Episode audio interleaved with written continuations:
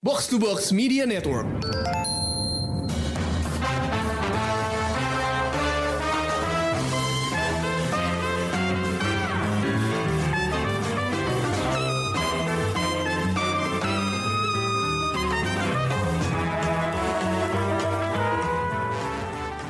Pendengar Showbox, ketemu lagi sama gue Amy di sebuah review serial yang baru-baru ini selesai. Sebenarnya selesainya tuh tanggal 23 November, jadi udah agak lama ya. Tapi karena banyak hal, baru sempet rekaman sekarang nih kita. Eh, serial yang mau kita bahas adalah Andor. Sebuah serial Star Wars yang dibintangi oleh Diego Luna dan tentu aja eh, ceritanya berkaitan sama karakter Cassian Andor yang Diego Luna udah mainin sebelumnya di Rogue One. Film Star Wars favorit gue sepanjang masa. Nah, bareng gue udah ada Krisna sama Rengga dan eh, kita bakal ngebahas eh, serial ini. Eh, kalau gue boleh bilang nih guys, dari Yes. awal aja gue bilang, Mm-mm. serial ini adalah serial Star Wars favorit gue. Setelah udah nonton beberapa serial, ternyata gue paling suka sama eh, Andor ini. Gimana Jadi- kalau sama kalian? Jadi lu film Star Wars favorit lu Rock One, serial favorit lu Andor. Ya betul. Karena lu ngefans Diego Luna bagaimana? Enggak sih, kalau ini purely perspektif gue sebagai orang yang nggak nggak gede bareng Star Wars, Mm-mm. baru kenal Star Wars setelah udah rada eh, dewasa dan mengerti dunianya tuh agak belakangan. Kalau di judge secara purely cinematical, emang paling bagus itu adalah Rogue One dari struktur cerita, pengembangan karakter, uh, visualisasi semuanya Rogue One menang. Dan ternyata karakter Kasian Andor ini dikasih serial sendiri ternyata bagus juga gitu. Jadi gue gue nggak ngerti nih, apakah karena karakternya, apa karena emang gue nggak tahu deh yang bikin gue suka banget tuh apa. Tapi ini adalah favorit gue serial. Bahkan dibandingin Mandalorian, ini jauh lebih favorit buat gue. Gua kalau gua s- untuk serial ya, gua setuju sih. Gua Hmm. ja- gua favorit gua banget sih ini Andor dibanding yang lain ya. Hmm. Eh, kalau untuk filmnya sih Rock One di antara proyek-proyek spin-off yang sempet dijalanin tuh kan, Hmm? ya jelas Rock One paling bagus sih, jauh dibanding yang lain. Apa sih yang lain Hmm. solo kan? Ya, Apalagi sih, gue sampai lupa yang lain selain jujur nggak inget So- gue. solo doang sih. Udah itu doang ya. Kan. Ya udah spin off kan sama doang. Rock One doang ya? Kayaknya adalah. Kok gue lupa ya? Gak ada solo doang. Solo Iya. Rock One. Ya udah Iya. jauh lebih bagus Rock One lah jelas. Iya kayak gue nggak bisa pungkirin bahwa eh ya oke eh, trilogi yang baru pada saat keluar ditonton gue suka dan gue entertain by the films. Tapi secara legacy itu nggak membekas di gue. Mm-mm. Rock One itu sampai sekarang gue masih teringat gitu, masih apa ya kayak ada ga- gaungnya gitu di gue masih masih echo gitu. Nah makanya gue nonton serial ini tadinya ngerasa perlu ya dibikinin ceritanya Hmm. sendiri nih si Kasihan Andor. Tapi ternyata setelah ditonton, iya ternyata perlu sih karena kita melihat banyak hal baru di sini. Iya gitu. betul. Dan terus kalau misalkan lo perhatiin di Twitter ya, kayak ada kayak masa-masa tertentu tiba-tiba Rock One tuh trending. Ah, kayak gak ada apa-apa gitu tiba-tiba Rock One Hmm. trending. Ini apa-apa sih? Terus kayak Iseng. udah beberapa bulan kemudian tiba-tiba trending lagi. Ya apa sih? Tapi Gara-gara apa ya? ketahuan ya? Gak ketahuan apa-apa. Tiba-tiba orang-orang ngomongin ngomongin Rock One aja. Tiba-tiba ada kayak eh, apa namanya? Salah seorang gua gak tahu deh di Amerika atau siapa gitu nyebut-nyebut Rock One aja gitu tiba-tiba kayak setelah apa beberapa tahun setelah Rock One keluar terus ngepost foto apa tiba-tiba rame gitu Rame, berapa tujuh ribu yang nge-tweet tiba-tiba orang pada nge-tweet gitu kayak tiba-tiba trending aneh banget ya gitu Tapi tapi berarti emang eh, audiensnya ada banget kan ya Rock One. Maksudnya itu bukan film standalone yang terlupakan karena kalau menurut gue bridgingnya bagus banget. enggak dari- enggak itu menurut gue salah satu film Star Wars terbaik sih Iya. Hmm. Itu kan pondasi ceritanya udah kuat banget kan. Opening opening kreditnya New Hope kan. iya Terus kembangin dari situ kayak dari satu kalimat itu doang dari bisa itu jadi aja film udah loh. keren gitu kan. Iya. Wah, iya bisa dijadiin cerita utuh banget tuh kan. Hmm. Iya. Mm-mm. Dan karakternya juga ternyata cukup apa ya, memorable sih. Iya, kok maksudnya karakter-karakter itu apa ya? Ada layernya gitu kan? Kayak Andor gitu kan? Ada layernya, ada ada sisi brutalnya, tapi dia juga punya moralitas gitu kan? Terus ya dia makanya dia jadi pejuang rebel aki pada akhirnya gitu kan? Itu yang Hmm. Iya. mungkin jadi dia sangat menarik sih. Dan itu bisa kita lihat di serial ini sih progresnya dia kan. Nah, menurut kalian berdua gimana nih serial ini? Eh, first impression atau initial reaction setelah lo selesai nonton itu gimana? Ini favorit gua sih. Sama dong. Sama sama kita bertiga. Ini langsung langsung naik di atas serial-serial Star Wars lainnya sih. Gua sih Hmm. terkesan dengan groundednya series ini sih. Iya Hmm. sih dibanding yang lain kayak di sini beneran kita ngelihat apa ya bagaimana sebenarnya masyarakat jelata rakyat jelatanya galaksi gitu kan tertindas sama eh, Empire tuh kan beneran bisa kita lihat di sini kan. Sebelumnya kan kita nggak cuman cuman sekilas-sekilas aja gitu kan. Terus apa ya politiknya juga kan di sini kan banyak banyak apa ya pejabat-pejabat daerah gitu istilahnya bukan yang Pemda. iya, maksudnya ternyata mereka pun korup dan kejam gitu kan, kayak emang udah se se apa ya, sekorup itu Empire. Jadi ya itu bisa kita lihat lihat banget di sini kan. Yang mungkin di series atau film-film Star Wars lain tuh nggak tersentuh gitu. Iya, Hmm. ini tuh Iya kayak kayak kayak apa new teritorinya Star Wars gitu loh. Iya betul. Tempat-tempat yang apa bagian-bagian yang nggak pernah terjamah sama film-film Mm-mm. yang lainnya itu keluar semua di sini. Dan jujur Mm-mm. gue penasaran sih dari dulu kayak hidupnya Iya, kita masyarakat sering di ngomongin ini, kayak gimana sih? Iya, heeh, gitu.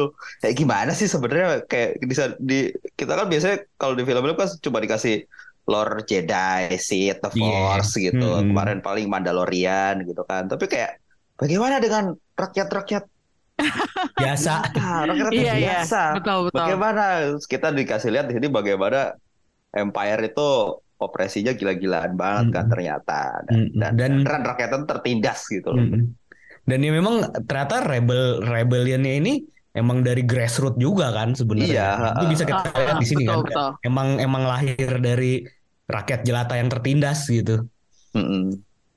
Dan dengan segitu banyaknya penduduk di galaksi far far away ya, Iya. eh, untuk menyatukan visi buat rebellion aja susah gitu loh. Iya banyak Iya faksinya banget kan. faksinya. Dan Kalau kalau nggak ada beda-beda karakter, gitu iya, pemahamannya. Maksudnya Hmm. kalau nggak ada karakter kayak Luthen yang diperanin sama Stellan Skarsgård, Iya. itu susah banget loh nyatuin visi. Mm-mm. Orang ada adegan dia sama Saw Gerrera aja, gue kayak merasa, ya Allah nih dua orang beda banget approach-nya Iya. dan apa kayak susah banget lo mau jadi rebel gitu loh. Belum terorganisir sama Magneto sekali. Profesor X gitu ya. Iya, terus udah gitu kayak mereka tuh nggak karena mereka belum organize, Iya. jadinya dampaknya belum kerasa di Empire dan Yang sekarang kecil. Mm-mm. Nah, sekarang kita baru lihat bagaimana Rebels ini tuh mulai bersatu kan. Makanya Mm-mm.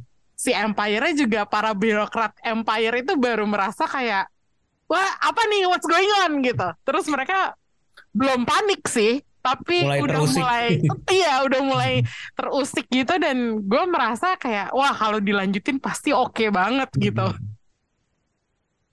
Oke, eh, sekarang kita ngebahas Andor eh, yang kita bisa anggap terbagi dalam beberapa arc, ya nggak sih? Kita Iya, udah iya. pernah ngomong ini ya, Reng. Iya, iya. Eh, ada empat arc, eh, kebetulan 12 episode, jadi eh, bisa dianggap per tiga episode tuh ceritanya jelas gitu bagian-bagiannya. Hmm.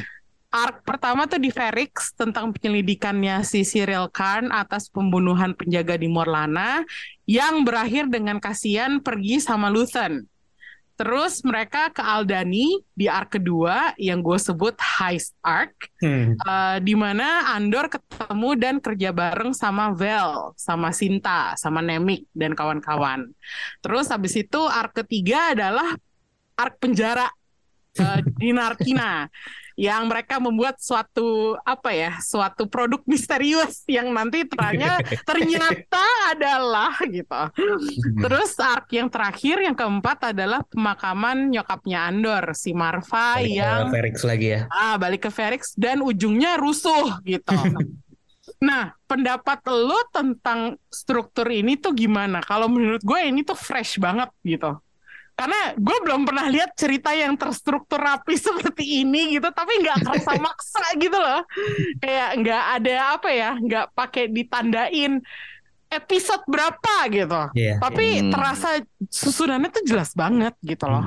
Iya, ini berasa banget. Sebenarnya gue rasa sih eh, struktur ini udah dipakai di seri-series yang lain ya. Tapi kan Hmm. biasanya kalau series kan panjang gitu kan. Hmm. Satu season bisa berapa belas episode dan lebih gitu. Nah hmm. ini karena cuma 12 episode dan bikinnya rapih banget, ini jadi kerasa fresh gitu. Nah, itulah kalau menurut gue, eh, ini gue merasa serial ini satu-satunya yang sukses menjalankan model cerita kayak gini karena kerasa di gue sebagai penonton itu jelas banget. Nah, iya bener. Jadi kayak part-partnya tuh jelas gitu, bagian-bagiannya apa gitu tanpa tanpa ter- nggak apa ya, nggak maksain gitu. Jalannya tuh smooth banget kan. Nah, itu dia. Makanya yang gue kagumin eh, itu adalah eh, hal itu sebenarnya. Tapi kalau misalnya boleh eh, kita nih, kita saling bandingin ya.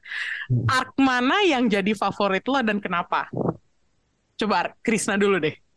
Ya, kalau gua sih struktur soal struktur tadi ya, buat gua yang biasanya nggak terlalu bisa menikmati serial barat, Hmm. itu lumayan bikin apa ya efektif buat nggak dragging sih kalau menurut gua. Hmm, Hmm, iya iya benar. iya, Ya iya, itu betul, terasa gak sih maksudnya ya kita tahu lah maksudnya ada fokus-fokus yang jelas gitu di Hmm. tiap tiga episode ini dan jadinya nggak dragging gitu. Itu Hmm. sih. Terus ya kalau favorit gua sih yang di mana ya menurut gua semuanya solid sih. Susah ya milihnya. Iya susah gitu Yang pal- paling ya yang dua di tengah sih Aldani sama si Narkina sih. Ah, In- oke. Dan itu kan kayak genrenya juga beda-beda gitu ya maksudnya. Iya, itu dia. Kayak- Makanya genrenya kayak- beda banget. Eh, ya ada heist kayak lu bilang tadi terus kayak Narkina tuh kan kayak prison break banget gitu kan. Hmm, hmm. Iya, it- dia mungkin dua itu sih yang di tengah-tengah sih. Oh, tapi nggak ada Kan- satu yang lo prefer mana? Hmm, ya dua-dua itu gua ngerasa itu eh, ini sih eh, apa ya di di dua arc itu karakter si Andor tuh yang berkembang banget akhirnya dia apa ya mungkin jiwa-jiwa rebelnya akhirnya tumbuh di situ sih. Ah, oke, Rasanya oke. gua ngerasain itu di situ sih. Just Oke. di di pertama belum justru. Iya, di pertama mah belum sama sekali Iya kan. gue. Iya toh dia terlibat di yang apa eh Aldani pun sebagai mercenary kan awalnya kan. Nah, itu dia. Hmm. Nanti kita bahas lagi. Nah, Oke. Rengga gimana sekarang, Rengga?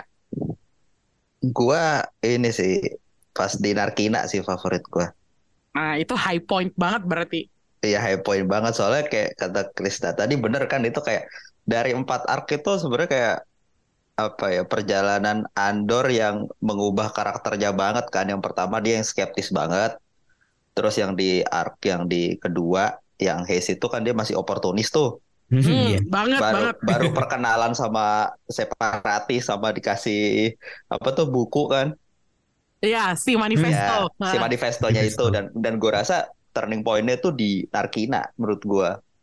hmm. Bagaimana dia ketemu orang-orang di penjara itu yang ternyata anjing banyak banget yang ternyata senasib sama gua ya gitu kan. Dia salah tangkep. Iya. gue gue pas nonton itu tuh di awal-awal eh, apa eh, part Narkina gue sempet curiga ini dia beneran ketangkep nggak sengaja apa dia sebenarnya diam-diam dikasih misi nyusup Kan ternyata blow on aja. ternyata emang ketangkep nggak sengaja goblok gara-gara celingak celinguk Iya. Iya, itu sih. Itu yang di Narkina itu high point banget sih. Terus yang arc terakhir kan itu kayak udah apa ya?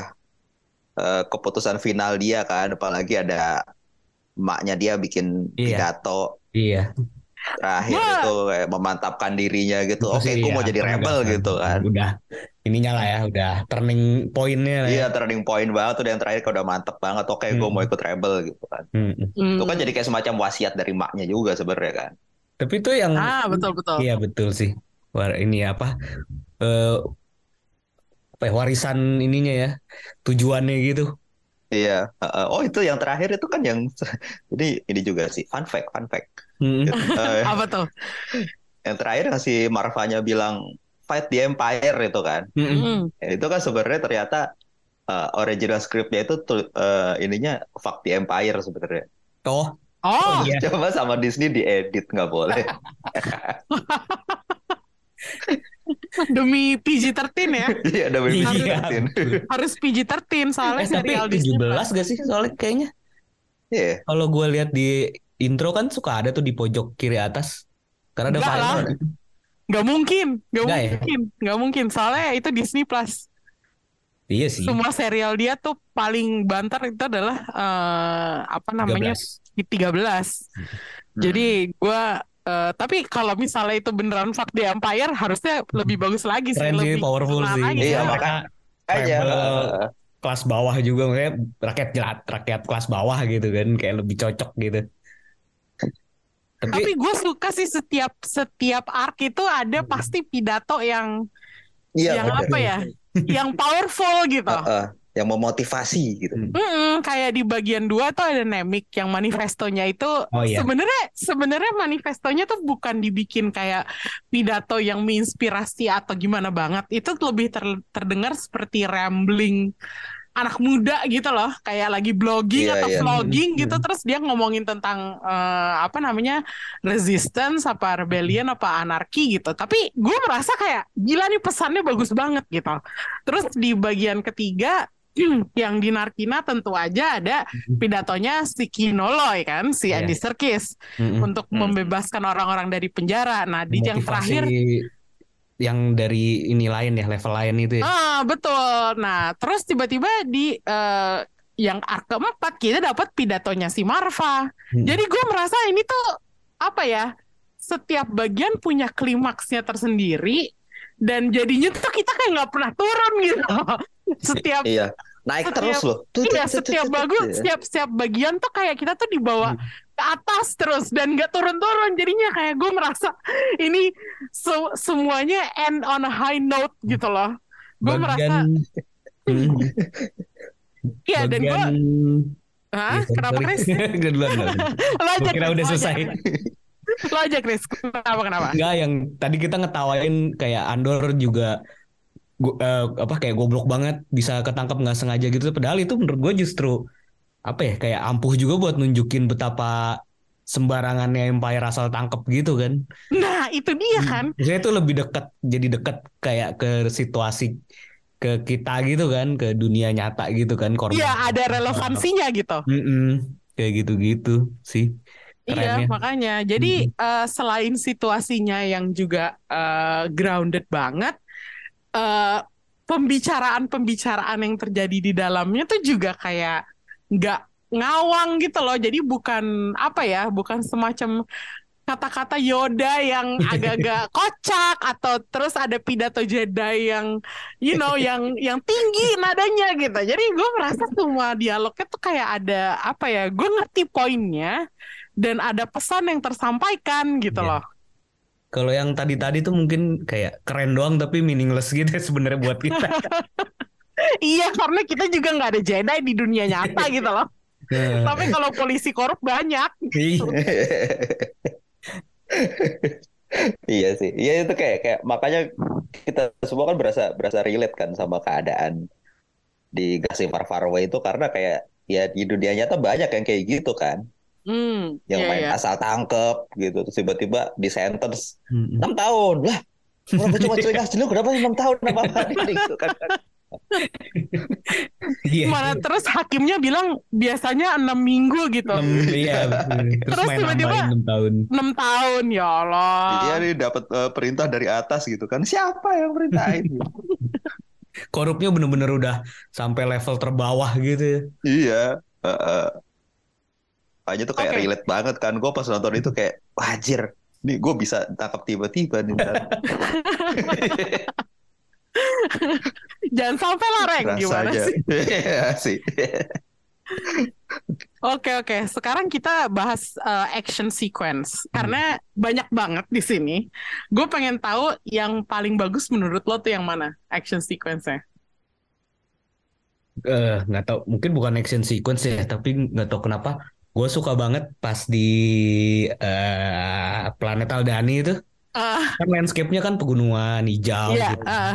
terus tiba-tiba ada TIE fighter lewat itu keren banget sih nggak tahu kayak intimidatif banget gue ngeliatnya Oh yang Iya. pada ngumpet-ngumpet itu ya tiba-tiba. iya kayak kayak gue selalu suka ketika apa ya di Star Wars itu ada adegan pesawat tapi dari dari kita ngeliatnya tuh shotnya dari tanah gitu Di Hmm. bawah ya. Ya itu kan itu kan hal yang banyak keluar ketika ini kan apa Force Awakens kan. Hmm. Iya iya iya. Gitu, ah, Nah itu di sini gue bisa ngeliat lagi pas itu di di Aldani kayak di daerah pegunungan gitu, tapi tiba-tiba ada tai- itu kan kayak di bumi gitu kan, sebenarnya mirip banget kan hijau gitu-gitu kan. Eh, apa landscape-nya gitu. Terus tiba-tiba ada TIE Fighter 2, 3 lewat patroli itu keren banget sih. Padahal TIE Fighter itu culun. Iya, itu kan TIE. Fighter Iya pilot-pilot kan? kelas rendah. Dulu Cuman kan keren aja ngeliat. TIE Fighter itu kan di, diperlihatkan kalau sama X-Wing kan ke- kalah jauh gitu ya. Iya. Kalau superior, tapi di sini bisa ditampilkan itu kayak, ah serem banget ya TIE Fighter lewat. Ya karena yang diintai kelas cere juga, Iya sih. kelas juga. Nah makanya itu kan jadi kayak kayak apa sih kayak film-film Star Wars yang lain itu kan kayak kita melihatnya kayak kita selalu di sisi jagoan gitu, wah Iya. Jedi jago gitu. Sekarang Hmm. kita dilihatnya dari segi yang ya masyarakat kelas bawah gitu kan jadi kayak berasa rendah Grassroots. banget kan, grassroots banget. Kalau Rengga eh, favorit eh, action sequence atau sequence mana pun yang lo suka yang mana? Ya sebenarnya kan banyak ya. Hmm. Seperti kata Krisa tadi, tapi ada satu momen yang menurut gue ini ini keren banget sih. Apa tuh? Eh, ini tuh mungkin satu-satunya ini ya apa namanya eh space fight di di Andor waktu Luton hampir ditangkap sama Star Destroyer tuh. Ah, itu Oh, dia. Oh, itu keren banget. Gue bersorak-sorai pas itu. Iya, iya, iya. Itu Ah. taktiknya bagus banget, keren. Iya, terus itu. udah gitu dia kan udah ditahan gitu kan sama pesawat besarnya, sama Iya. apa? Sama Star Destroyer ya, bukan kan? Apa sih Itu namanya? kayaknya di satu kelas di bawah Star Destroyer sih itu kayak cuma pesawat pengintai gitu sebenarnya kan. Ah, oke. Nggak tahu namanya. Heeh. Iyalah, Itu keren banget. Belum ngurusin masalah ini. Nggak turun Iya. masalah kayak begini. Iya. Terus begitu kayak itu taktiknya kan dia ngeluarin apa sih? Shrapnel gitu kan. Shoo, shoo, shoo, shoo. Iya, ha. Sampai hancur tiba-tiba dikeluarin TIE Fighter. Dogfight gitu tiba-tiba ngeluarin lightsaber dong kayak Darth Maul. Vroom. Wah, keren banget itu. Kalau favorit gue eh, sebenarnya nggak sekeren itu karena bukan space fight, tapi gue suka setiap kali itu eh, di Ferrix itu eh, dia mukul apa sih kayak gongnya itu loh, Oh. bukan gongnya, bukan gong sih, apa sih kayak Oh, Iya iya iya. ya, iya, iya, iya. Apa Ya ya? itu apa ya namanya bukan gong juga sih. bukan bell juga, cuman kayak bell Bukan. gitu kan, dia Bell kayak toll apa sih disebutnya apa Iya, kalau di kayak ini ya, kayak siskamling gitu ya. Iya. Nah itu dia kayak si Kayak ronda, kayak ronda. terus Iya. dibalas sama yang lain-lainnya dong pakai kleneng-kleneng gitu Iya. di, di Iya, street iya. level gitu terus Ah. untuk untuk jadi kode bahwa Kode. Hmm. something is happening gitu kan Iya. terus orang-orang yang Empire pada nggak ngerti ini kenapa ya maksudnya Iya. Kayak Itu gitu Sebenarnya ini kearifan lokal loh. Kalau di kampung tuh kan pakai kentongan namanya. Iya. Bener, gua dari tadi mikir kata-kata itu lagi. Iya. di kampung mana lagi Di kampung gua di Jogja kayak gitu biasanya. Oh, iya? Iya, Iya. ngasih tahu kalau ada sesuatu gitu. Entah ada Oh. maling kah atau ada Sama, sama maksudnya ya kayak di sini. ada gempa. Biasa dulu waktu gempa begitu kentongan satu nyala semua bunyi itu kenceng kan. Pasti Pokoknya kayak tiap darurat lah ya. iya darurat. Pokoknya tiap tiap Darurat. RT gitu pasti ada kentongan. Jadi itu langsung mukul semua kayak gitu persis gue langsung inget tuh ah ini kayak di kampung gua begini nggak jauh-jauh gitu tapi banget sih cara warning sistemnya ya kayak maksudnya so simple gitu tapi bisa kayak gue kalau denger itu merinding sih jujur Hmm, aja. Masyarakatnya masih masih ini kan, maksudnya di Ferix kan nggak terlalu gede ya. Nah, Terus Hmm. rata-rata mereka kelasnya sama gitu kan. komunal banget sih. Iya, Heeh. iya bener komunal banget masih. Fun fact, ya, Beltolnya itu Beskar. Oh ya? Iya, Hah gimana gimana? Jadi jadi Ya, itu Beskar yang yang dipukul-pukul itu Beskar. tapi kenapa mereka bisa dapat beskar? Kan Ferrix itu ini planet pertambangan. Ah ceritanya gitu. Emang dari ini dari dari Ferix. Ya nggak tahu sih, di- tapi itu udah dikonfirmasi kalau itu fix itu Beskar, Beskarnya Mandalorian itu kan? Beskar yang Mandalorian. Oh. Ya ya ya ya. eh, intinya Oke. Beltolnya Ferrix sama gitu ya. Palonya juga Beskar dua-duanya. Ah. Oh gitu toh. Iya, Harusnya cukup makmur ya. Berarti. harusnya tuh makan ditambang sama Empire. Oh iya ya mereka mah cuman Nah iya sih. Heeh. cuman pekerja ya. Iya, mereka kayak juga Empire mungkin nggak ya. tahu, nggak tahu ya Iya. nilainya Beskar Hmm. tuh segimana di, lu- di Hmm. luar sana kan. Hmm, hmm, hmm. Betul, Hmm. Dan itu jadi gue keinget nyambung juga sama satu poin di Rogue One di mana mereka ada satu planet yang planet terakhir itu yang di mana Jyn Erso sama Cassian Andor dan kawan-kawan mati. Itu kan juga eh, Kyber Crystal kan juga ditambang dari situ kan. Berarti emang Empire tuh rusuh banget ya, ngerusak eh, ngerusak sumber daya alam gitu loh Iya. intinya. Iya, emang. Terus meng, menggerogoti. Iya. Payah. Emang di sini baru kerasa betapa Iya, bobroknya si betul. Empire itu. Heeh. Bagaimana dampaknya ke Eh butuh duit bangun Death Star, kira murah. Tapi apa tenaga kerjanya ngambil dari random prisoners. ya habis dari mana Gratis. lagi? Gratis kan? Kerja Gratis. paksa. Romusa, Romusa. Aduh, budak budak. Romusa. Asli deh. Oke, eh, ini eh, sebelum kita lanjut ke hal-hal yang bikin kita suka sama Andor, eh, gue pengen nanya dulu, apakah ada hal yang mengganggu dari serial ini? Jadi komplainannya kita keluarin dulu deh Hmm. sebelum kita ngelanjutin memuji-muji serial ini. Eh, Tidak. Saya tidak. Namanya susah-susah. Oh, bener loh. Susah-susah. ya kan Galaxy Far Far Away. Iya, cuman karena nggak nggak ada satupun yang familiar buat gue ya kecuali si Andor gitu. Mungkin ya si apa eh Motma gitu kan. Tapi yang lain tuh namanya susah-susah gitu gue kadang Se- se- Sebenarnya kalau lu lihat ya namanya tuh Hmm. simple, tapi karena kita nggak pernah nggak familiar. familiarnya jadinya Iya betul. pusing gitu. Gue dari tadi kayak Hmm. ngingetin Andi Serkis namanya Tapi kan siapa ya? Karakternya banyak juga. namanya Kino. Ya, Iya gitu. kayak Nah, mungkin karena terlalu simpelnya jadi kayak apa ya tadi namanya gitu. Iya, Asli. kayak Vel, Bix, gitu-gitu kan. Mm-mm. Kalau menurut gua karakter kebanyakan itu adalah salah satu komplainan yang valid sih. Karena Iya, selain selain eh, karakternya banyak yang harus diingat, itu tuh kayak ceritanya lumayan layered dan kompleks. Ada si ceritanya Andor sendiri kan. Terus Mm-mm. Luthen sama Mon Mothma tuh punya Oh cerita iya, sendiri. yang Terus lagi ngumpulin uang. iya si Vel ceritanya juga agak terpisah. Terus Iya, ada si siapa namanya si Didra. Didra Miro sama si Cyril Khan. Ceritanya juga sendiri-sendiri. Iya. Itu betul. Agak kompleks ya Hmm. menurut gue. Kalau banyak misalnya- banget sih emang side story-nya. Ha. Iya, kalau misalnya lo nggak runutin dari awal atau kalau serialnya nggak sebagus ini penulisannya, gue rasa buyar tuh gue. Betul, ya. ha-ha, Betul. ha-ha. Untungnya rapi banget sih nulisnya dan dan gua tertarik sama side story-nya masing-masing. Semuanya Oh ya? menarik Iya, ya. semuanya menarik buat gua. ha-ha. buat gue. Oh. Sama Pengen buat tahu gue nasibnya si Cyril Khan tuh gimana gitu kayak. Iya, bahkan si Karn dan si Dedra ya keren menurut gue. Iya. Dinamikanya. ha-ha. Ah, itu agak creepy sih sebenarnya dinamika mereka berdua. Kayak, aduh, ini si serialnya agak terlalu ambi. Terus udah gitu si apa namanya di Dramironya juga ambisiusnya tuh kayak corporate style yang nggak pleasant aja gitu. Hmm. Iya. Menurut menurut gue menarik itu yang satu si Cyril kan kayak apa ya dia man- apa orang masih muda gitu kan kayak yang Hmm. masih haus akan apa ya Pengakuan.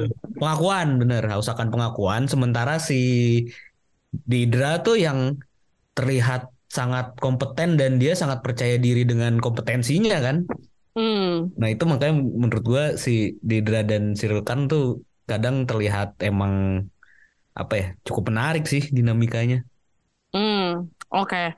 D- Ini kita ngomongin sekarang, kita ngomongin eh, pemeran-pemeran pendukungnya. Ada nggak? Oke, selain Didra, eh, Didra sama Cyril, Mm. yang paling menarik perhatian lo tuh siapa? Eh Kino. Mungkin. Gua gua nggak- maksudnya gua sangat menyayangkan dia nggak bisa berenang sih. Andai andai Kino tuh bisa berenang mungkin dia bisa jadi salah satu petinggi rebel rebel alliance mungkin. Mungkin dia Tapi gedenya ditatoin, nak. Terus Tapi jadi siapa itu. bilang dia dia dia nggak apa siapa bilang dia tidak menjadi anggota rebel setelah itu, Chris? Kita nggak tahu. oh iya kita nggak tahu sih ya nasib dia ya sebenarnya Iya. Gak sih, siapa- gak sih. Gue Jadi gak Snook percaya dia sih. kan habis itu Tiba-tiba dia ini Jadi di, jahat. di genetika apa eh, diubah secara genetik jadi Snoke. iya i- ya jelas lah dia menonjol inilah ya menonjol lah ya di di Hmm. Hmm. Siapa- tapi yang lain juga menarik semua sih Kalau lo Reng, siapa Reng? Yang paling men- mencuri perhatian lo? Eh, antara ini sih sebenarnya Luton sama Didra sih. Ah. Luton, Luton menarik sih. Kan keren sih ya Luton menarik kayak gue pengen tahu latar belakangnya dia bisa pasti latar belakangnya pahit nih iya sampai segitunya itu gitu ya. kan. Hmm. Apalagi pas dia ngomong di apa tuh pas dia pidato di bawah tanah tuh. Wow itu kan berapi-api banget dia ngomongnya. Mm-mm. Hmm. Di mana dia tidak bisa mendapatkan apa ya kebahagiaan gitu kan selalu hidup dalam ketakutan tapi it's for the greater good gitu. Iya. Maksudnya orang bisa sampai apa ya me- apa ya mempertaruhkan nyawanya segitunya gitu kan ngelawan iya Heeh. ngelawan yang sebenarnya di saat itu tuh kayak impossible untuk dikalahin gitu kan. iya bener itu sih kalau Luton. Kalau Dridra gue suka ininya sih. Apa ya? Apa ya? Kayak berubahnya tuh cepet gitu. Maksudnya di awal-awal episode kita lihat dia kayak kayak beberapa orang tuh rooting for her gitu loh. Kayak dia kan di di di kantor dibully gitu kan. Ah, iya iya iya, Kan? iya. kayak- betul betul. kalah gitu kan. Nggak bisa Hmm. dapetin gue terus bingung bingung. Terus akhirnya dia dapet kayak satu kesempatan terus dipakai tuh "Ah, it's time to shine gitu. Hmm. Cuma ternyata pas begitu promote ternyata nyebelin anjir ternyata sungguh keji dia Tapi dia terlihat lebih kompeten dari banyak ini loh apa ya eh, petugas-petugas Empire yang sebelumnya tuh kita pernah lihat iya bener emang kan yang lain kayak bikin salah mulu gitu kan. iya Dia kayak kayak kom- lumayan kompeten gitu. betul Walaupun emang makanya gue dia nggak tinggi-tinggi banget ya. nah iya makanya gue pengen lihat sepak terjangnya dia sejauh mana sih ini gitu loh Mm-mm. Nah, dia Hmm. pede banget tuh kayak wah gue harus dapet ini dapet ini dapet itu Mm-mm. kayak Mm-mm. ambi banget lah gitu tipikal mbak-mbak ambi banget yang pengen naik jabatan gitu kan Oh enggak, dia tuh ngingetin gue sama karakternya Obi-Wan yang Reva si oh ya letnannya ya, letnannya Eh. Vader yang Iya. iya ternyata dia juga ada Inquisitor ya. dendam gitu kan. Ha-ha. Mhm. Eh, ambinya lumayan sama sih kalau menurut gue, tapi Mhm. mungkin tipe kejamnya beda kali ya. Dia kalau kan apa pet- officer gitu kan. Iya, kelas apa ya? Kelas pejabat lah intinya Mm-mm. gitu. Jadi eh, ya emang si Didra ini emang orang eh, birokrat banget sebenarnya. Mm-mm. Tapi gaya-gayanya tuh sempet ngingetin gue nih kayaknya pernah ada deh karakter lain yang seambi ini terus deh gitu jadinya kayak nasty gitu. Wah, Iya, Reva bener Reva gitu. Terus gue langsung keinget eh, sama si karakter di Obi-Wan itu. Cuman ya lagi-lagi kalau harus dibandingin jauh sih. Obi-Wan Kerenan kerenan kerenan Didra jauh jadinya karena ceritanya dia lebih relevan juga buat gue. Iya. Ya nggak Iya, sih? iya. Mm-mm. Gitu. Kalau gue juga pengen tahu sih sebenarnya ceritanya si Melshi. Kenapa karakter Oh. kecil itu bisa diangkat lagi dari Rogue One, terus udah gitu dimasukin ke sebuah serial prequel dan dikasih apa ya peran yang lumayan loh. Maksudnya Sebenarnya- Nah, sebenarnya iya, di, pen- di penjara juga itu juga.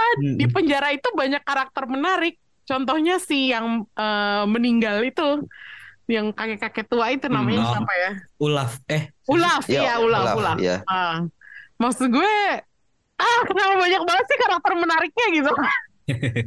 Jadi kayak nggak habis-habis aja gitu. Hmm. Iya, bahkan si Melsi pun ketika pertama kali ketemu kan dia juga yang cukup skeptis skeptis kan kayak ah Ya. udahlah ngapain sih diomongin, udahlah kita Hmm. jalanin aja gitu kan. iya Kayak pas ke terakhir ketemu Andor kayak kita harus mencari teman yang lain, berpencar gitu kayak kenapa lo jadi semangat? menyebarkan cerita ini iya, Langsung terlihat bibit rebelnya ya. Iya. iya, heeh. Itu dia. Eh, meskipun sebenarnya gue tuh agak gimana ya pas nonton Under tuh kadang-kadang perasaan gue tuh suka sedih sendiri karena tahu akhirannya karakter ini semuanya tuh bakal mati gitu. Nggak ada yang nggak ada yang selamat gitu loh kayak lo ngerasain hal yang sama nggak sih set- eh, pada saat lo nonton Andor mengetahui bahwa endingnya di ujungnya bakal tragis banget?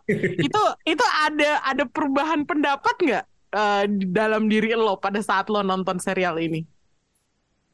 Hmm, gimana ya? Iya, ya sedih juga ya maksudnya an- ya kita udah nonton melihat perjalanannya si Andor, tapi kita tahu ujungnya ada di mana gitu dia kan. Heeh, itu Nah, dia Kan ya gue lumayan berbesar hati karena menurut gue Andor itu matinya keren, heroik. Kayak kita bisa uh, melihat perjalanan perubahan karakter gimana apa yang membuat dia menjadi uh, Andor di Rock One gitu ya. Terus ya itu ternyata yang bikin dia jadi seorang pahlawan besar menurut gue gitu. Maksudnya hope-nya New Hope tuh dari dia gitu kan. Nggak ada kalau Hmm. bukan gara-gara dia dan timnya lah, bukan dia doang, tapi dia dan timnya gitu kan. Jadi ya ya untungnya dia matinya heroik banget sih.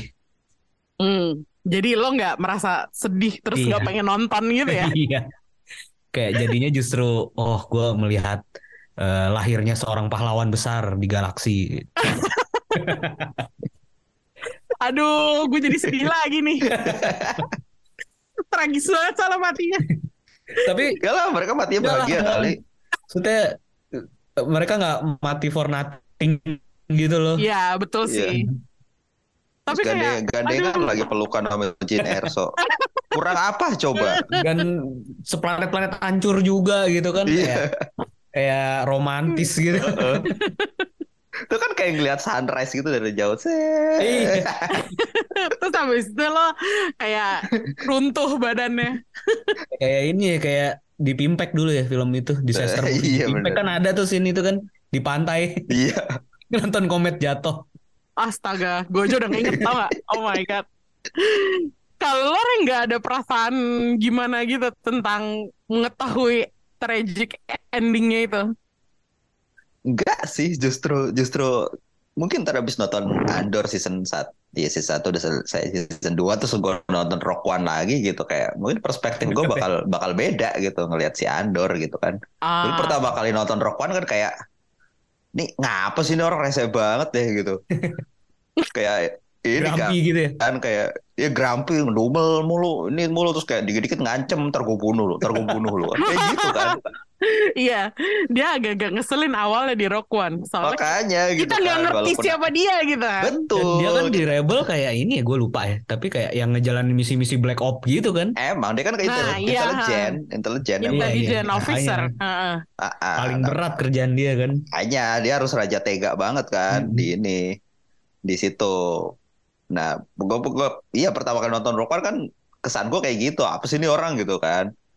Terus Hmm. ketika selesai nonton itu kan wah keren juga nih orang ternyata gitu. Terus terus begitu habis nonton Andor eh ya gue bisa mengerti ternyata ternyata perjalanan dia tuh jauh banget bisa sampai di karakter diri Rock One gitu. Justru gue makin penasaran gitu. Makin makin lengkap sih sebenarnya karakter dia. Ini kayak kayak Andor tuh melengkapi karakter dia yang di Rock One gitu loh. Hmm. Iya iya betul Jadi betul kita kayak kita tuh tahu perjalanan hidupnya sampai Hmm. dia jadi seorang Andor yang di Rock One gitu. Jadi kayak makin makin makin suka gue sama karakternya gitu. Makin wah keren banget emang dia gitu di Rock One gitu. Hmm. Tapi lo takut gak sih kalau Gitu sih. misalnya tiba-tiba si Disney Plus punya ide buat ngebikin serial satu persatu buat semua anggota Rock One yang udah mati kita kayak gue pengen cerita Body Rook. itu dia masalahnya yang bintangnya yang main-main kan main bintang gede Iya. tuh Riz Ahmed sama Iya, Donnie bener. Yen gitu. Iya sih? Ada ada potensi gak sih menurut kamu buat ini? Iya sih, yang benar yang dulu main gede-gede maksudnya Dylan Erso Matt, Michael, Matt Mikkelsen kan Iya itu dia makanya. Iya. Tiba-tiba ada gitu kalian Le Erso. Wah. Apa ceritanya? cerita dia ngedesain Death Star lah. Yuk, cerita dia belajar jadi ini arsitek Oh iya bener banget jadi drama bagaimana dia bertemu istrinya Jadi gitu. kayak ini apa kayak Kaliku. kan kalau di One Piece ada Vega Pang ini Oh, dia iya. kalau di Star Wars Asli lucu banget. Kok kemarin tuh ada ini kayak di Twitter tuh sempat ada ini.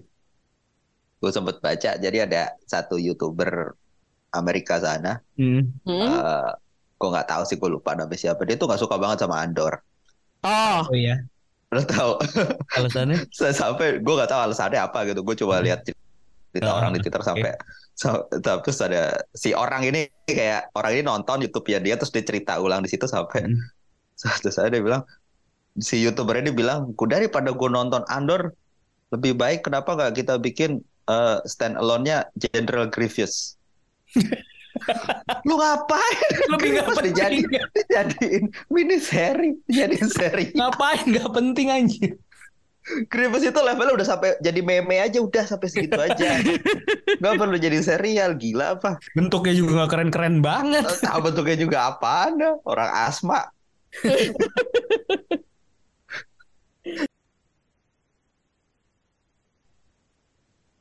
eh, tadi nggak sengaja mati ya. lanjut Oke lanjut. Oke oke. Tadi gue sampai Mars lagi. Kita lagi Itu apa? ngomongin apa? ya? ngomongin Eh, Grievous Grievous ya. spin-off itu ya Oke, spin-off. Jadi lu nggak pengen kan uh, ada serial-serial yang nggak penting buat diangkat di Star Wars karena General Grievous itu eh, menurut gua ide agak buruk sih. itu konyol sih bukan buruk kalau ada Ada lagi nggak ide-ide konyol atau buruk lainnya yang lo nggak pengen lihat sama sekali di Star Wars? ya udahlah jangan banyak-banyak lah waktu kita juga nggak banyak-banyak banget buat nonton Iya. Menurut gue bikin bikin ini baru aja sih ya udah bikin bikin cerita Cerita baru baru. lagi lah gitu lah nggak usah bikin nggak ada yang nonton betul nah udah lanjut lagi Oke, oke. aman Nggak tahu gue aman keluar apa tadi tuh saya udah lanjut Oke oke. Terus gue lupa ngomong apa. Oke. eh setelah Iya, itu. ya? Oke. nomor 10 kali. Eh, Oke nomor 10 ya. Bentar bentar. Oke. Oke lah ya, kita nggak punya banyak waktu buat nonton serial-serial aneh dari Star Wars. Jadi kalau misalnya lo mau lanjutin serial spin-off dari Rogue One, paling mentok di Body Rock kalau gue rasa sih. Jadi jangan sampai Cirut dan Base juga terus tiba-tiba dapat serial baru atau Galen Erso tiba-tiba dapat serial baru. Oh Gerera dong kan dia di sini aja muncul. Sogernya di mana-mana muncul selalu. Oh, iya dia mah banci tampil ke mana-mana muncul ya Nih, ngeditnya bakal susah deh ntar. nyambung nyambunginnya PR gini iya. Oke.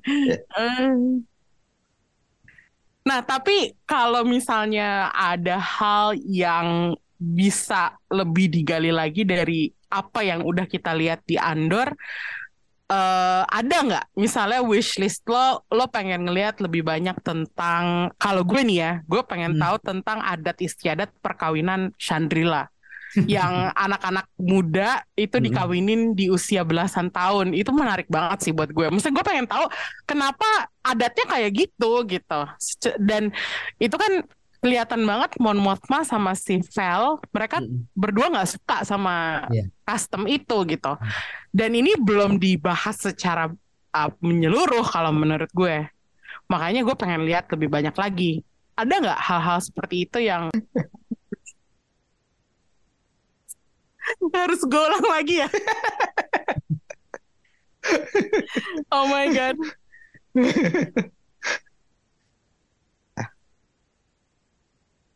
Tadi pertanyaannya kan udah selesai kan? Iya Lanjut pertanyaannya aja. sih udah selesai. Jadi uh, Langsung jawaban jawaban lo apaan? Langsung aja deh. Mm-mm. Apa ya kalau kayak soal kayak gitu-gitu sih pasti banyak banget sih maksudnya galaksi gitu kan kita ngomongin galaksi gitu. Iya itu dia. Hmm. Makanya eh, ada satu hal aja yang mungkin lo pengen tahu lebih banyak tentang sistem penjara di tengah-tengah air Di kah? Atau seluruh ah, di Andor doang atau dari seluruh dari Andor aja dari Andor aja. untuk membatasi s- Hmm. cakupan kita. jangan jangan sentuh yang lain-lain, jangan sentuh serial atau film lain gitu. Apa ya? Apa Reng? Gue pengen tahu bagaimana Luton mendapatkan barang-barang itu. Ah, dia dia ini tuh sampai bisa buka toko ya. sih. Iya, sampai bisa buka toko. Iya. Itu kan kayak kayak eh gue kemarin juga baru lihat thread orang sih sebenarnya ya. Di Hmm. tokonya itu banyak banget sebenarnya Easter egg dari film-film Star Wars yang dulu kayak Ah. ada headpiece-nya Amidala ternyata ada di situ. Oh iya. Iya, ha-ha. terus ada topengnya ini Jedi Guardian Jedi Temple tuh ada juga di situ. Terus ada Sith Holocron juga ada di situ ternyata. Walaupun dia cuma Wow. sekilas kayak- doang gitu ya. Kayak apa acara TV yang dulu suka ada di History Channel tuh. Eh, Ponstar. Oh, monster aja. Iya bener-bener anjing. Gila, Anjir monster. inget aja lo Chris. Iya kan dulu All I can do is kita ada- dollar. ada penggemar berat Ponstar kan. Iya. Bener Iya juga sih, ya. bener juga sih. Terus si Rengga dapat aja lagi thread yang ngebahas itu. Gak Iya, nemu gue aja tiba-tiba nggak- gitu kayak. Maksudnya tapi muncul iya gak sih? juga gitu. Muncul ya berarti. Cuman sekilas doang gitu ya. Muncul tapi kayak jadi background aja gitu kan selewat. Strike tiba-tiba. aja lah ya. Iya, gue bilang, gue juga bingung orang kok lihat aja sih, nemu aja. Itu biasanya di post terus dia perhatiin gitu. Iya kayaknya ya, dilihatin satu-satu gitu. Wah ini mirip ini nih gitu. Iya. Bener bener bener. Itu sih. Jadi itu yang lo pengen tahu ya tentang karakternya Luton dan barang-barang yang dia dapetin itu dari mana aja. Iya. heeh. Kayak, Kalau gue pengen, dia semacam Indiana Jones gitu kan? kalau gue penasaran sama wignya dia, kenapa dia punya ide terus pakai wig? Kenapa harus pakai wig? Ada apa harus Mika Luton? Padahal keren nggak pakai wig juga. itu dia kalau dia nggak pakai wig terus tiba-tiba jadi jadi beda gitu karismanya ke, eh, kayak karisma leader gitu kalau dia pakai wig terus jadi kayak om-om toko yang Iya orang tua gitu. Buka, pas Bahkan emang itu kayak, kayak dua orang yang berbeda gitu kan ceritanya dia. Iya. Nah, kalau begitu Pak Wig, pakai wig dia langsung jadi flamboyan gitu kan. Welcome. Identitasnya beda ya. Ah, identitasnya beda. Begitu udah buka wig langsung jadi Luton yang kejam. Hmm. Yang Tapi- tapi menarik banget sih itu perubahannya dia makanya kalau menurut gue karakter yang harus eh, dikembangin dan disorot lebih banyak di season 2 nanti tuh Luton harusnya ya Harusnya sih. Iya. maksudnya kalau nggak ada dia gue rasa nggak lengkap aja Salahnya kan kita juga tahu ya, maksudnya dia sudah tidak pernah ada lagi setelah itu kan. Nah, dia- itu dia. Ya, kita nggak tahu juga sih Chris sebenarnya. Ya iya sih. Cuman kan di at least di Rock One dia nggak ada kan? Iya, Rokan ada. ada. Emang ada? ya? Luton nggak ada, Luton. Yang main si Ada. Stellan juga. Ah, yang main setelan juga. Kagak, ada Kagak. Kagak nggak ada, Reng. Coba. Kalau ada pasti inget gue orang Stellan Skarsgård juga yang main. Hmm, Emang ya? Nggak ada. Sebenarnya ya, ini Andor itu tuh udah agak ngebingungin karena banyak banget karakter yang udah pernah muncul di tempat lain, sekarang muncul lagi. Kayak Melshi, Mon Mothma, Hmm, terus si Sogerera. Tapi kalau Sogerera lebih lebih jelas lah ya. iya. Dan ini kita gua rasa nggak perlu nambah-nambahin lagi dengan bilang Luther udah pernah muncul padahal belum. Singkat gue nggak ada sih, singkat gue nggak Oh, ada. ada deh. Pertama iya. Nggak ada, nggak ada. Mm-mm. Kecuali kalau lo ngitung Andy Serkis pernah jadi Snoke terus sekarang di sini jadi Kinoloy gitu. Itu Eh gue gue gue ingetnya itu yang bapak-bapak yang nyuruh si apa Andor ngebunuh Jin Erso kalau Jin Erso mau kabur itu gue inget itu dia. Bukan. Ah, itu bukan dia, itu bukan ya makanya gue ingetnya itu salah. Iya iya iya, iya. gue tahu sih karakter yang lo maksud mana. Ya iya iya. heeh. Salah satu pembesarnya Rebel juga kan itu. Mm. Hmm. Iya. Tapi lo lo nggak nonton Rock One lagi ya setelah nonton serial ini apa sebelum serial ini lo nggak nggak revisit Hmm, eh, Rock One? sempet tapi belum selesai. Ah oke. Pasti berhenti tengah-tengah deh. Iya. Iya, Sama gue juga sih, gue juga. belum kelar aja. Pengen nonton lagi sebenarnya tapi belum belum sempet aja. Hmm. Kalau Krisna Belum sih, belum sempet. Belum sempat. Mm. Bakal ada rencana buat eh, nge-revisit eh, Rock One? Hmm. Mungkin nanti setelah pas mau ada season 2 kali. Ah, Gue mau melihat ini dulu menikmati Andor yang di sini. ah iya sih. Kayak yaudah deh, jangan Heeh. jangan dirusak dulu gitu ya. Nah, nah, jangan bersedih dengan nasibnya dulu. Nah sekarang ngomongin masa depan, kita yang baru dikonfirm itu kan Ahsoka ya. Ada nggak sih berita dari next series Star Wars yang bisa dinantikan lagi? Biasanya Rengga nih punya info, Eh, karena yang, dia ya, pemerhatinya. yang lebih ngulik ya. Ah, Jung Jae itu apa ya? di Jung Jae itu Acolyte ya? Gue lupa. Gue ingetnya pokoknya Lee Jung Jae di cast Ah. untuk series Star Wars aja. Kayaknya Acolyte deh. Soalnya Acolyte tuh banyak banyak ini sih. Banyak nama-nama baru yang masuk dan itu kan settingnya itu kan zaman dulu kan. Jauh sebelum ini ya. Ja- Devin. eh, eh, bahkan sebelum sebelum ada Jedi ini terbentuk kan. Oh, oke. Wah, menarik juga tuh. Oh, Belum jadi pernah ada yang lebih itu kayaknya. lebih Mm-mm. zaman purba lagi ya. Betul, kayak lebih lebih oldies banget lah kayak Jedi itu baru ber- baru berkumpul gitu untuk menjadikan untuk bersatu gitu kan. Baru inilah ya. Pengguna Force jadi baru jadi institusi lah ya. Iya, eh, masih belum nyebar, belum gabung Hmm. jadi satu, belum jadi satu federasi gitulah. Iya. Kalau tuh. Hmm. Itu sebenarnya kalau kalau misalkan mau yang waktu dekat ini sih ah Mandalorian season 3 Iya. Ya. awal, awal tahun. Oh itu awal itu tahun. itu awal tahun. Itu sebelum Ahsoka Hmm. justru. Eh, Oh ya? ceritanya ceritanya iya ceritanya kayak si Mando balik ke planetnya ke Mandalorian. Terus bakal lebih banyak berkutat di situ sih kayaknya. Soalnya dia megang black saber juga kan. Hmm. Tuh, jadi udah udah nggak planet hopping lagi dia. Kayaknya bakal banyak stay di situ sih. Gitu. Hmm, Si Baby Yoda masih ada nggak sih? Masih kan dibawa sama dia akhirnya. Misteri banget tuh Baby Yoda siapa? Grogu. Ya itu. Terus eh Ahsoka, Ahsoka itu kan kayak setelah setelah ini deh. Setelah si Mando Mandalorian. kan. Hmm. Mm-mm. Hmm. Ceritanya sendiri kan bakal ini sih. Ini ini jadi kayak Ahsoka itu tie-in banget sama Rebels kan. Kalau banyak Mm-mm. yang nggak tahu, Star Wars Rebels itu eh, animasi sih. Masih. Hmm. Nah, ini kayak ceritanya bakal nyari Jedi yang hilang namanya Ezra Bridger. Hmm. Yang Ezra muncul Bridger di itu salah ini ya. satu Ezra tuh ada di Star Wars Rebels ya. ya salah satu protagonisnya lah di Star Wars Rebel. Hmm. Nah, di Rebel di Ahsoka ini banyak banyak karakter paling nggak ada dua lah yang udah dipastikan muncul jadi live action si kok, kok lupa namanya Eh Hera sama satu lagi kok lupa namanya siapa satu lagi pokoknya Hera itu diperankan sama si kok lupa namanya istrinya si siapa Ewan McGregor sekarang siapa Mary Elizabeth Winstead. Mary Elizabeth Winstead Ah. belum Oh, iya, confirm gua baru tahu tapi mereka kamu- suami istri. Iya baru ketemu di Fargo kan. iya ketemu di Ah. Fargo Eh, Itu jadi gosip artis. Iya, makanya dia cerai sama bininya sekarang sih. Karena selingkuh, Bo.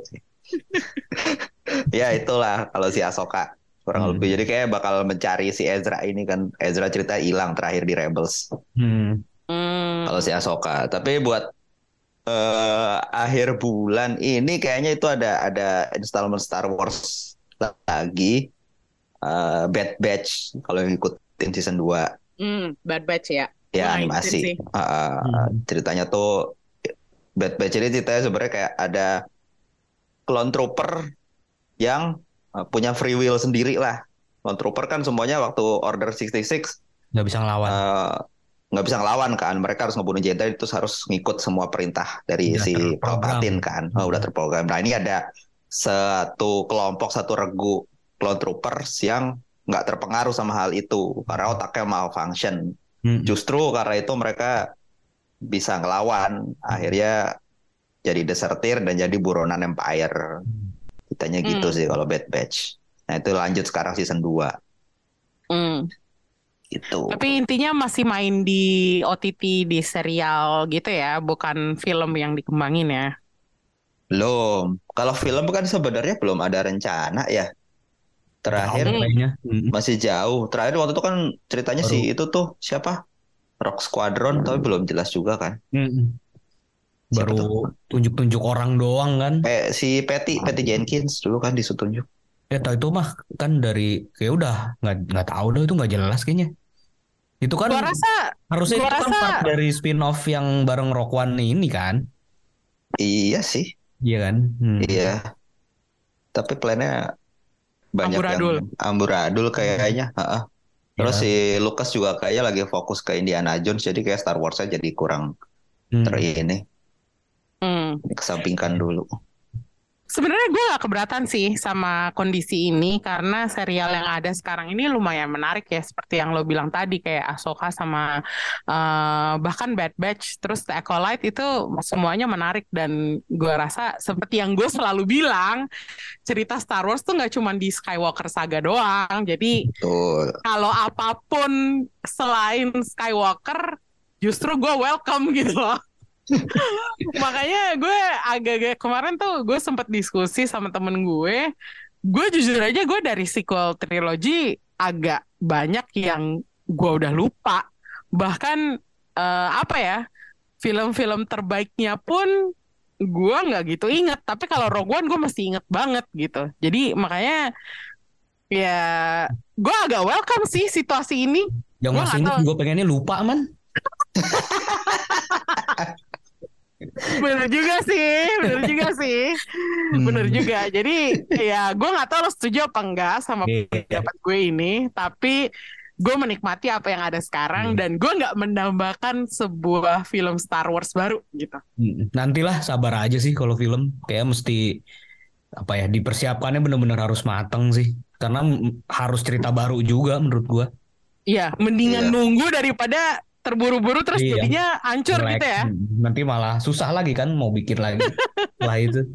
Jadi ya udahlah Iya. nggak ya maksudnya kayak fans Star Wars juga udah tak udah sadar itu deh kayak ntar aja lah gitu. Yang penting Hmm. bagus. Nah. Udah udah cukup lah itu 9 film ngomongin Skywalker. Iya kan harus perlu, bikin yang iya. baru kan. Iya, udah nggak usah diungkit-ungkit lagi lah itu. Mimpi buruk ya. Langsung kita sesi misuh-misuhnya tentang Skywalker. Drama keluarga nggak bisa Iya habis. itu dia makanya terus udah gitu Obi-Wan balik lagi ke Skywalker makanya agak-agak pusing juga gue waktu nonton Obi-Wan makanya gue berharap banyak under season 2 ceritanya masih bisa semenarik season 1 Iya. kalaupun enggak ya udah gue tetap tonton secara masih kasihan Andor dan gue suka Hmm. sama kasihan Andor dan Keren. kru Rogue One lainnya Hmm. please Disney kalau misalnya lo mau bikin serial lain yang spin-off-nya Rogue One jangan lebih jauh daripada Body Rook udah itu aja sih Atau mungkin ini sih di season 2 mungkin kita bisa menantikan munculnya karakter dari Rock One yang lain kali ya. Galen Erso bisa Bisa. Tapi atau Krennic Orson Krennic iya. itu Hmm. lumayan Keren lumayan paling cocok. masuk akal Iya sih. sih. paling ya masuk. Krennic paling masuk akal Karena kalau yang soalnya lain mah baru ketemu juga ya kan. Iya, Iya, terus si. Krennic ini tipe-tipe agak birokrat yang nyebelin juga soalnya. Emang, jadi cocok. heeh. terus Cocok sama di Dramiro kalau menurut gue. iya terus dia se- seneng re- seneng Oh, grecokin juga kan Keren Nah, itu tuh. dia, betul. Jadi Krennic dan Galen Erso adalah kandidat tercocok buat Rogue One. Hmm. Tapi nggak tahu juga ya kalau kita secara timeline kan sebenarnya Krennic sama eh, Galen Erso harusnya di usia ini udah nggak origin story-nya mereka lagi gitu. Iya. mereka salah udah harusnya punya anak Di dan posisi lumayan tinggi, udah penting. Iya, udah jadi orang besar gitu Hmm. kan. Makanya jadi ya kita tungguin aja lah apa beritanya nanti yang keluar tentang casting eh, Andor season 2. Untuk sekarang kita sudahi aja eh, reviewnya di sini. Kita masih bakal ada beberapa review lagi di akhir tahun yang bisa dinantikan. Eh, judul-judulnya gue nggak buka dulu ya supaya surprise nantinya. Eh, thank you Rengga sama Krisna udah nemenin gue untuk untuk review malam ini dan kita ketemu lagi di review berikutnya. Bye bye. Bye. Bye.